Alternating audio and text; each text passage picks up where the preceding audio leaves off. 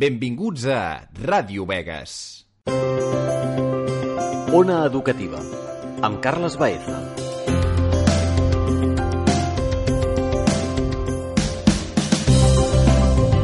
Hola, bon vespre, sóc en Carles Baeza. Una setmana més estem aquí amb vosaltres des de la Ona Educativa de Ràdio Vegas per presentar aquest cop un tema que està de moda, que són les noves estructures familiars.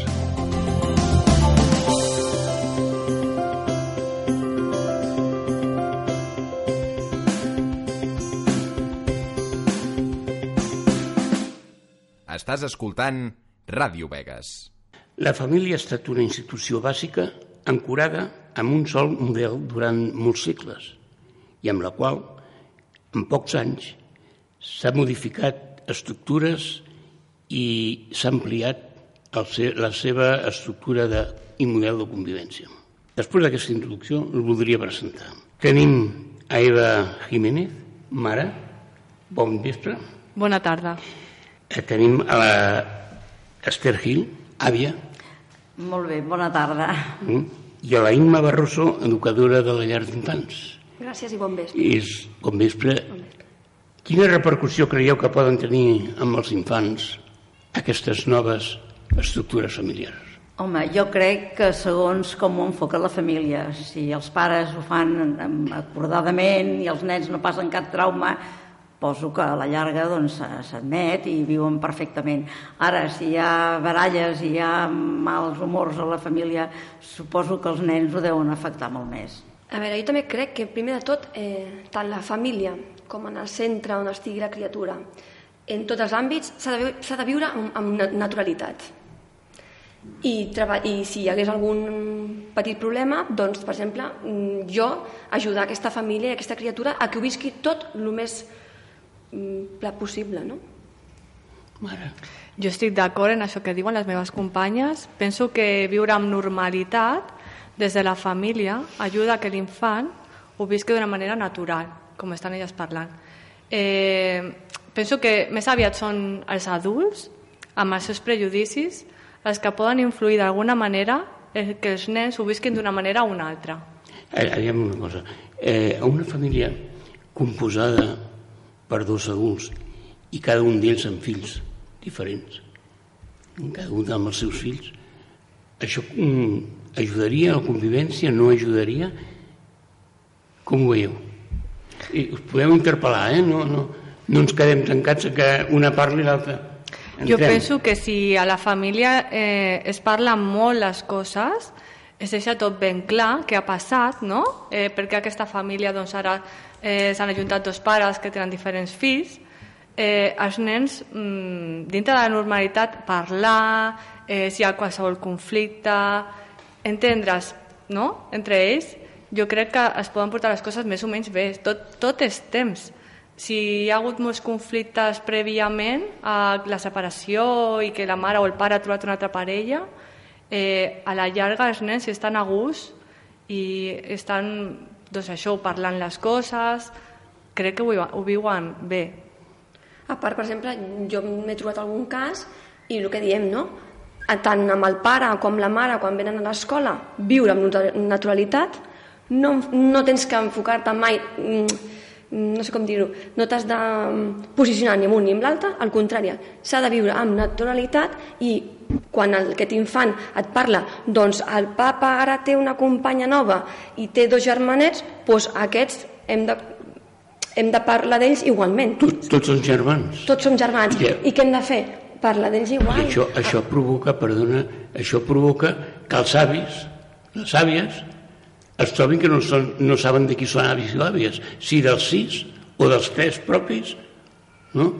Com ho veu una àvia? Home, doncs sí, això és veritat, però com he dit al començament, això també depèn de les famílies. Hi ha famílies que els dos pares han acabat eh, molt malament i que no s'arriben a conciliar mai, doncs potser els nets propis del, dels teus fills, dels teus fills, potser els mires d'una altra manera. Ara, si la família s'ha obert, s'ha parlat i la cosa és normal, doncs tu aquells nens et venen a casa i te'ls consideres nets i ja està. Ara ja et dic jo, segons també els adults, els pares, que hi ha pares doncs, que ho fan molt bé, i hi ha pares pel que sigui, per, per gelosies, per, per maltractaments de vegades, hi ha coses doncs, que no s'enfoquen igual crec que les famílies, segons la base, també, i ara vaig a dir una cosa que poder molta gent em, em, em renyarà, però també segons l'educació dels pares, i a vegades al nivell d'educació la cosa es, es fa d'una manera o es fa d'una altra. Penso jo, eh, com a àvia. Sí, jo estic d'acord totalment. De fet, estava pensant que l'educació i educar en el respecte pels altres és bàsic en aquests casos.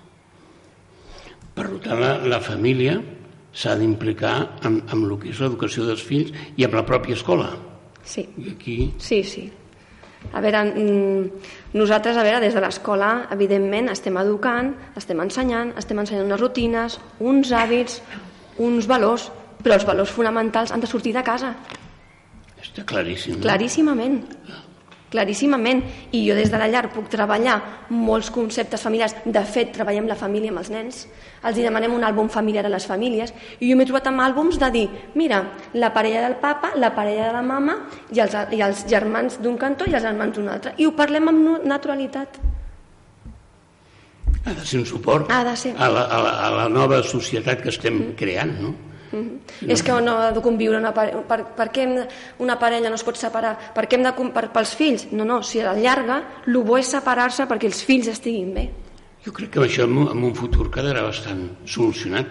Quan els que som avis ara deixem de ser avis ja perquè passarem a, a pitjor vida. No, això no ho digui. No, no, no, no, no i arribat llavors- encara, eh? No, els que, els que, els que entren, eh, els nostres fills, quan siguin pare, avis, doncs quan hi han viscut una, una naturalitat, no? Home, és clar, per ells serà una experiència que ja hem viscut, cosa que no hem tingut nosaltres. Aquesta experiència no l'hem passada, ens ha vingut de nou. I l'hem acceptada, ja et dic, perquè estimes els fills i veus el comportament dels fills. Si veus que els fills doncs, ho fan raonablement, no passa res. Ara, si veus que els fills s'estan barallant i ve a casa la teva filla o el teu fill, en el cas, és igual, i està dient mil i una cosa de la seva exparella, doncs, de veritat, això Tu, no cre tu creus, Esther, que ho hem superat, això? Home, ho anem superant, ho anem superant. Jo a casa meva no passa el cas, però ho he viscut i, i veig que sí, que ho vam superant. Ja et dic, també segons parelles, segons com enfoquen els pares. Tu com àvies acceptaries bé els fills de la parella dels Si els meus fills se, se, se separen perquè arriba un moment doncs, que la seva convivència no, no, no, no pot seguir se- amigablement, se separen tu per aquí o per allà i arriba el cas que el meu fill o la meva filla porta una altra parella amb uns fills i amb aquella parella és superfeliç, jo l'acceptaré, és el meu fill i la meva filla, jo no puc posar-me davant d'ells. Ja, ja, molt. I què creus que l'escola ha de fer en aquests casos? Ha de, ha, ha de tindre connexió amb els avis? L'escola també? Mira, nosaltres des de S'han l'escola... d'implicar els avis a des de- l'escola? Des de l'escola nosaltres tenim implicades a les famílies i els avis. I sou, els avis sou fonamentals. Per què? Perquè mm, moltes vegades amb els pares a l'hora de treballar vosaltres heu de venir a buscar els nets a l'escola i també us transmetem informació perquè els avis també ens pregunteu com ha passat el dia i perquè jo crec que sou una peça fonamental a la família. És veritat, hi he anat molts anys a buscar nets i netes, i sí, sí. M'hi trobo bé, a més amb l'escola és una escola sent fantàstica.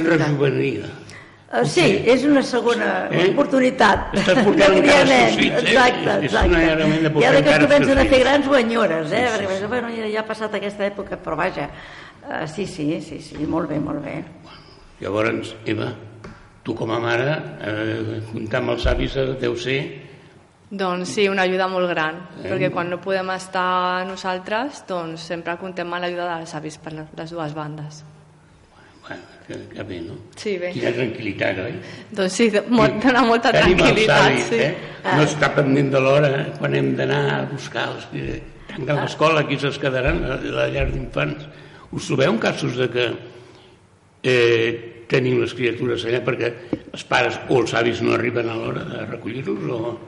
Bueno, si ens hem trobat alguna vegada que, bueno, si no arriben, pues, truquem a les famílies i diem que no havien de venir a buscar-lo, que no heu de venir a buscar fulanito, ai, havia de venir l'avi, ai, havia d'anar jo. sempre pot haver-hi algun cas. Sempre hi ha algun cas. Sempre hi ha no? alguna cosa allà. Falta de comunicació dintre de la família, entre també és pares normal, i avis. sí. Eh? A compte que això és una cosa que també els avis d'ara hem hagut d'assumir. Nosaltres, a la meva època, per, per exemple, la majoria de mares no treballàvem. Eh? Si ho fèiem era hores fora de, de, de, de, de, de casa, diguéssim, que no haguéssim de fer, de, de, tur, de turbar la convivència familiar. Ara aquest cas no passa. Els pares treballen tots dos i es troben en aquesta situació, no hi ha més. O paguen un cangur, que moltes vegades no és assumible, o per això estem els avis. Eh, en el meu cas no va ser. Jo estava a casa, podia cuidar-me dels meus fills i, i ara no. Ara no, això també ho has d'assumir, els avis ho han d'assumir. Un tema, un tema que en el primer, en el primer programa vam, vam tocar, que va ser el de la conciliació Ah, laboral i familiar. Imma, i tu què dius? Va, que tens coses a dir encara. No, a veure, jo podem fer com un terreny que no ho hauria de dir, però, a veure, jo, per exemple, jo tingut la meva filla i jo en el meu cas no tinc els meus pares. Tinc els meus sogres que m'ajuden, però ells també treballen, haig de, jo haig de fer, pagar cangur, haig de fer acollides, però també considero que a vegades els avis no heu d'estar sempre els avis, perquè els fills els hem tingut per tenir-los nosaltres. I jo crec que també s'abusen dels avis. Sí, hi ha casos que sí, no tots, però sí, n'hi ha, és veritat. Una cosa és mm, guardar o ajudar i una altra cosa és aprofitar-se. Jo crec que, a veure, que en moments puntuals, jo, per exemple, aquesta setmana m'he trobat amb que oh, la Marta s'ha ficat malalta, eh, el Jordi té que demanar feina, però el Jordi té una situació laboral que no estem per demanar feines, ai, perdó, demanar festa, sí, ha vingut, m'ha tingut que ajudar el meu sogre, perquè la cangur no podia, eh, ho faig puntual, però jo com una cosa fixa no vull, perquè jo tinc la meva filla per tenir-la jo i segueixo dient, no tinc els meus pares, però jo tinc molt clar que la meva mare, si visqués, tindria 80 anys i tampoc l'ho podria deixar. Perquè ella ja ha cuidat els seus fills. Podem fer com un terreny que no... No. Està És la bé. meva visió, ojo, eh? Jo, jo estic d'acord amb tu, Imma. No De podem fet, abusar dels avis. Jo he vist avis que dius, mare meva, que, que ara et toca viatjar. Ja, que estan molt cansats, se veu molt cansats a vegades, que estan amb els nets, que no poden més i han d'estar allà aguantant. Sí, és veritat, però també és cert que moltes persones, eh, degut al moment que estem vivint actualment, També és veritat, amb no aquesta ho tenen crisi. fàcil. Llavors, per prendre la decisió, doncs, prescindim d'un sou o demano eh, jornada reduïda, moltes vegades una jornada reduïda a una empresa significa que ja... Acomiadament. Exactament, o que ja et fan allà això el mòbil, per, per exemple, no? que et deixen allà un racó i ja no comptant amb tu. Llavors, no és una situació fàcil. Sí és cert que eh, els fills han, han d'estar amb els pares. Eh, és la relació natural que, que de la vida i els fills aprenen dels pares. I està molt bé que els avis ens puguin ajudar sempre que puguin, però això, que, que, vulguin també, no? Que no es vegin eh, Que no sigui una obligats, obligació. Exactament, que no sigui una obligació. Molt bé. I llavors s'enriqueix molt més tota la relació familiar. Molt bé, doncs amb aquesta reflexió última que ens ha fet la, la Eva tancarem el programa d'avui agrair-vos la vostra participació agrair-vos les vostres aportacions i que ens ajudi a tots i als nostres oïdors a reflexionar sobre el que és l'educació dels fills i les noves estructures familiars. Gràcies per la vostra assistència. Gràcies. Bon vespre. Gràcies. Ona Educativa, l'espai de reflexió de famílies i escola a Ràdio Vegas. Les noves estructures familiars han estat objecte d'un debat, un ric debat entre les persones que ens han acompanyat, però com veuen aquestes noves estructures familiars els protagonistes, els infants, els nois i les noies del futur.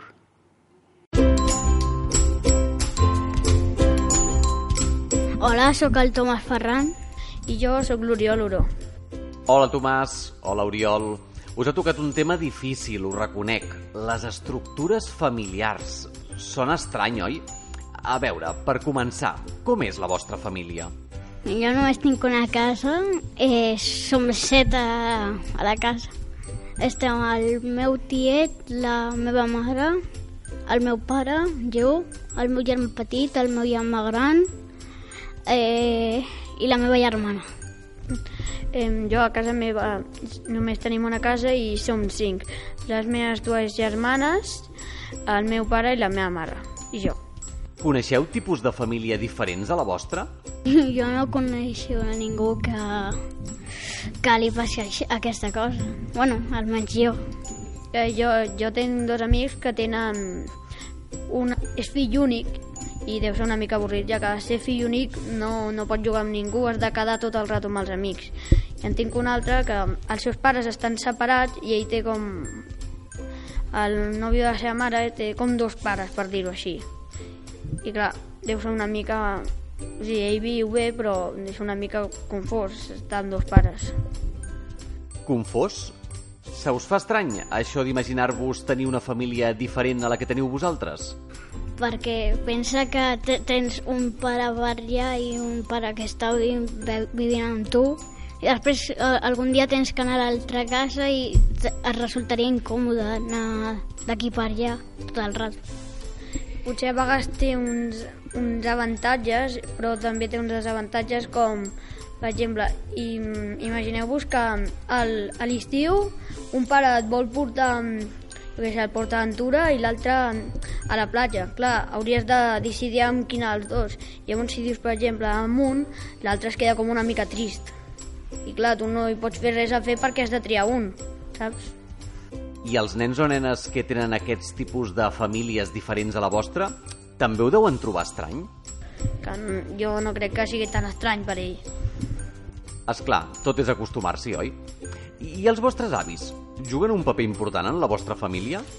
Sí, jo amb la meva àvia que viu a, a Paraguai i bueno, de, de vegades ella ve a Espanya, a la meva casa i ens portem molt bé amb ella i bueno, jo crec que no tinc ningú inconvenient amb ella, amb la meva àvia. Jo, clar, tinc dos àvies i una que, clar, sempre, com que està aquí i viu a Barcelona, sempre pot, mm, els dimecres pot venir a veure'm, però clar, una altra que està a més o menys una hora i mitja d'aquí a Can de Bànol, clar, ella no pot venir tan sovint. Jo només quan, quan pujo allà és quan la puc veure i ella potser només baixa un cop a l'any. I, clar, I també el meu avi d'allà, no, com que a ell no li agrada molt moure's, llavors mai, quasi mai el veig, només quan pujo. I a tot això, perquè és important la família, sigui del tipus que sigui.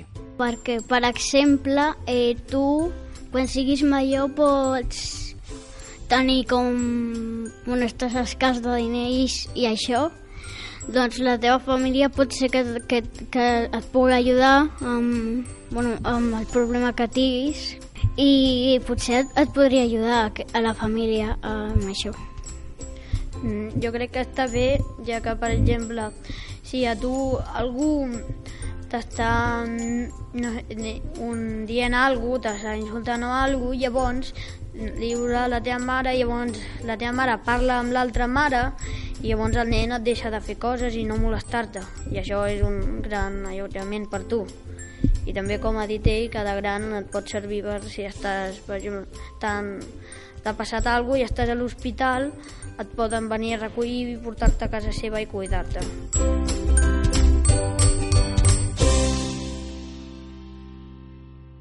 Soc Antó Ferran i espero que s'hagi agradat escoltar-me. A mi m'agrada molt estar a Ràdio Vegas i espero que heu passat un bon moment escoltant-nos. Escoltant-nos. Ona Educativa, l'espai de reflexió de famílies i escola a Ràdio Vegas. Molt bé, hem debatut, hem parlat, hem opinat sobre les noves estructures familiars. Esperem estar preparats perquè si aquestes estructures s'han de canviar, les puguem acceptar tal com ens vingui. La setmana que ve, de nou, Ona Educativa a Ràdio Vegas, us esperem per parlar sobre educació. Ona Educativa, amb Carles Baeza.